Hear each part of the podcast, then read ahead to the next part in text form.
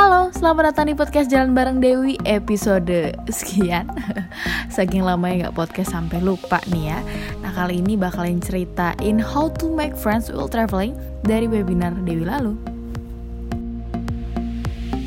Sebelumnya aku mau makasih banyak sama Find Your Trip Buddy yang udah undang aku nih ke acara sharing ini. Perjalanan memang udah dari kuliah uh, sampai sekarang ya, tapi karena sekarang sedang pandemi ya teman-teman ya mau nggak mau lebih baik kita stay at home. Nah aku sempat nyinggung sedikit juga soal perspektif traveling yang sudah agak bergeser nih aku dari dulu dan sekarang. Jadi teman-teman uh, menggambarkan sedikit bahwa perjalanan bagiku udah bukan lagi sekedar uh, lo udah ke mana aja sih lo udah sejauh apa lo udah ke mana aja berapa banyak kota di Indonesia nih jalan tapi kalau aku melihat perjalanan adalah sebermanfaat apa lo dalam perjalanan sebanyak apa lo belajar dalam perjalanan dan itu mungkin ada impactnya sama yang akan aku ceritain sharing hari ini tentang how to make friends while traveling. Mungkin aku mau buka sesi ini dengan foto ini ya teman-teman. Jadi ini aku di Belitung perjalanan uh, 2016, 17 I think uh, aku agak lupa. Saat itu cerita awalnya adalah uh, pertama kalinya dan kayaknya terakhir kalinya aku ikut travel fair untuk cari tiket murah. Saat itu aku belum tahu aku mau ke mana. Ngantri panjang, pindah-pindah ruangan, terus eh, bahkan kita pengen nomor aku masih nggak tahu gue ke mana ya. Akhirnya aku mutusnya adalah gue ke Belitung aja dengan tiket seratus ribu. Only seratus ribu. Jadi kalau pulang pergi dua ratus ribu sekitar situ. Ini niatnya aku sendiri. Terus ternyata aku IG story si Agi ini teman kuliahku pengen ikut. Nah, udah kita arrange tanggal. Karena kan saat nanti bayar kan belum tentu available kan. Ya udah akhirnya kebeli tuh tiket uh, Belitung tanpa uh, persiapan apa apa sebenarnya ini uh, satu kesalahan sih kayak belum riset gitu. Pada akhirnya risetnya setelah beli tiket.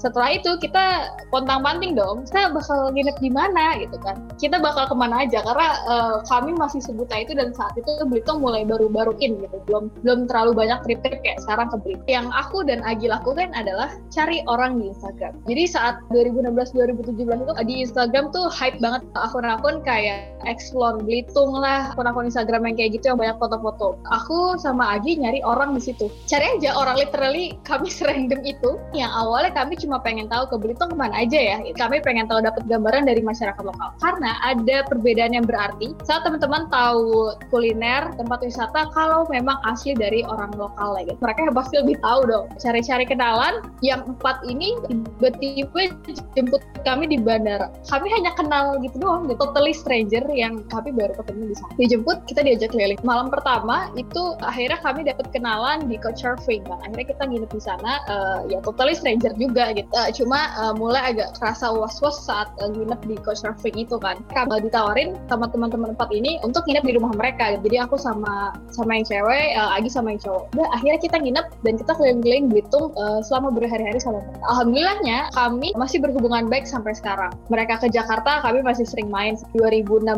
jadi saat itu aku pengen ke Dieng foto kiri atas ya Dieng Culture Festival di tempatnya. Jadi dari SMP terus SMA aku tuh udah pengen banget nih ke Dieng Culture Festival. Pengen langsung beli tiket nggak perlu nunggu temen karena kalau nunggu temen sampai kapan pun belum tentu akan jadi tuh. Akhirnya gue mutusin beli tiket dan baru kepikiran lagi tuh tiket keretanya baru kepikiran lagi gue eh, akan nginep di mana nih gitu kan. Apalagi saat itu sudah mepet dengan event harga-harga hostel hotel tuh uh, mahal banget bahkan udah banyak yang sold out jadi kayak udah nggak ada ruangan akhirnya cari-cari kontak aku hubungin adminnya dia yang Kultur Festival. Mas kira-kira ada nggak ya warga yang bisa aku tinggalin tempatin aku inepin gitu kan aku memang sebenarnya pengennya dari awal kayak gitu pada penuh mbak dia bilang gitu kan. Ternyata ibunya yang bersedia oh uh, mbak mbokku boleh nih ditumpangin uh, diinepin gitu nggak apa-apa mbak gitu. Kan kasihan sendirian dari Jakarta gitu. Tapi agak jauh mbak dari lokasi acaranya harus naik motor gitu. Kalau mau monggo gitu. Gara-gara coba ngechat soal di Cultural Festival terus ditawarin minat saat itu aku uh, oh ya udah gitu kan. Tapi aku masih kayak mikir waduh. Ya juga nih kalau jauh dari uh, tempat event ya kan karena harus naik ojek lagi lah atau apalah gitu kan. Terus uh, ingat oh ya di Culture Festival tuh uh, saat itu bisa camping. Aku mulai udahlah gue nyewa tenda aja bawa tenda aja dari Jakarta. Nyari-nyari untuk lahan tendanya karena harus sewa lahan juga di sana. Ternyata sudah penuh semua. Jeng-jeng gimana nih caranya kan akhirnya uh, dengan nekat aku cari-cari orang di Instagram yang memang nenda di di Culture Festival. Literally aku ngecek satu-satu orang yang komen atau apa. Biasanya mereka kan excited gitu kan komen kayak di Instagram di Culture Festival yang kayak ya siapa aja orangnya gitu. Nah ketemulah sama satu temanku ini. Uh, namanya Jalu. Tentunya aku harus cross check dulu dong profil Instagramnya. Orang beneran gak gitu kan. Kayak maksudnya nggak mungkin juga aku yang asal milih orang. Ngebangun tenda bisa lah seenggaknya kayak gitu kan karena bayangin teman-teman kalau nenda tapi dia juga nggak bisa nenda. Aku dari Jakarta nggak buat tenda coba gimana kan? Dan itu Jalu uh, sama teman-teman ya sebenarnya kelompok boleh aku di Instagram. Udahlah dia bener, orang bener kok gitu kan. Dia kuliah di mana itu ketahuan di Instagram kan? Ini emang agak nekat ya, ya udah DM DM Instagram aja eh aku Dewi dari Jakarta segala macam. Eh uh, kamu Nenda ya? Gitu. Basa basi lah. Udah ya boleh nggak ya? Aku kira-kira gabung sama sama kamu dan temen-temenmu gitu kan nanti kita sharing cost aja soal tendanya karena kan ada biayanya. Dia bilang dia mau rembukin dulu sama temen-temennya dan oh boleh boleh. Kalau gitu. Ya udah aman tuh kan? Mendekati hari hari teman-teman ya. Jauh ngabarin wah teman-teman pada batal deh gitu. Jeng jeng gimana tuh? Gitu. cuma dia yang uh, yang jalan gitu kan. Mikir dong gitu kan. Hmm, gimana caranya ya? Iya nggak ya? Gitu. Kalau bakal nenda dan sama orang asing yang lu bahkan nggak tahu dia siapa wujud wujudnya kayak apa gitu yang lo baru kenal baru. Gitu. gue nekat aja karena kayak ya udah gue uh, mau melihara dan merawat pikiran positif kepada orang lain kan? Lucunya adalah jadi baru sampai kan aku naik kereta terus nyambung-nyambung agak repot kan? Ya kendaraan umumnya kan harus gonta-ganti dari jalan gitu. Ini bukan ya orangnya kok agak mirip ya gitu. Eh Dewi ya? Eh Jalu ya? Jadi kayak kita gue itu papasan gitu kan. Oh iya iya iya. Jadi dia bawa ransel dua gitu keren sama kagum aku agak kasihan juga sih waduh ini orang nenda demi gue nih gitu kan akhirnya ya udah sekitar dua aku nenda sama dia. Dan tetap waspada ya ya lo boleh percaya sama orang dia kelihatan yang baik kuliahnya di mana. Sebetulnya tetap harus waspada apalagi lo cewek. Tapi alhamdulillahnya tidak jadi apa-apa. Ya karena kan traveling yang bener ya selalu menghadap pemikiran positif ke orang lain. Lalu ini masih dalam perjalanan yang sama jadi sekitar dua minggu nih aku dari Jawa Lombok. Dari pas di Dieng itu aku masih gambling langsung balik Jakarta bagaimana aku memang sengaja belum di tiket pulang. Temanku bilang e, udah main aja ke Lombok karena temanku baru turun Rijani kan. Dan di Lombok tuh ada teman kuliahku. ya udah akhirnya beli tiket atur Semarang Jogja uh, untuk ketemu teman-teman yang lain dan rencananya langsung ke Lombok. Sebenarnya agak bednya adalah harusnya memang kita dalam perjalanan itu punya riset. Akhirnya riset itu yang menjadi sebuah main utama dalam perjalanan itu dilakukan di Dieng ya. di buru-buru nih tiket beli tiket beli tiket terus mana cari-cari temen. Aku sempet ke Semarang ketemu temanku dan itu nah ini perbedaannya ya teman-teman ya. Jadi aku banyak melakukan perjalanan bukan karena aku pengen ke pantai apa. Saya ke Semarang aku pengen ke Sampokong. Enggak tapi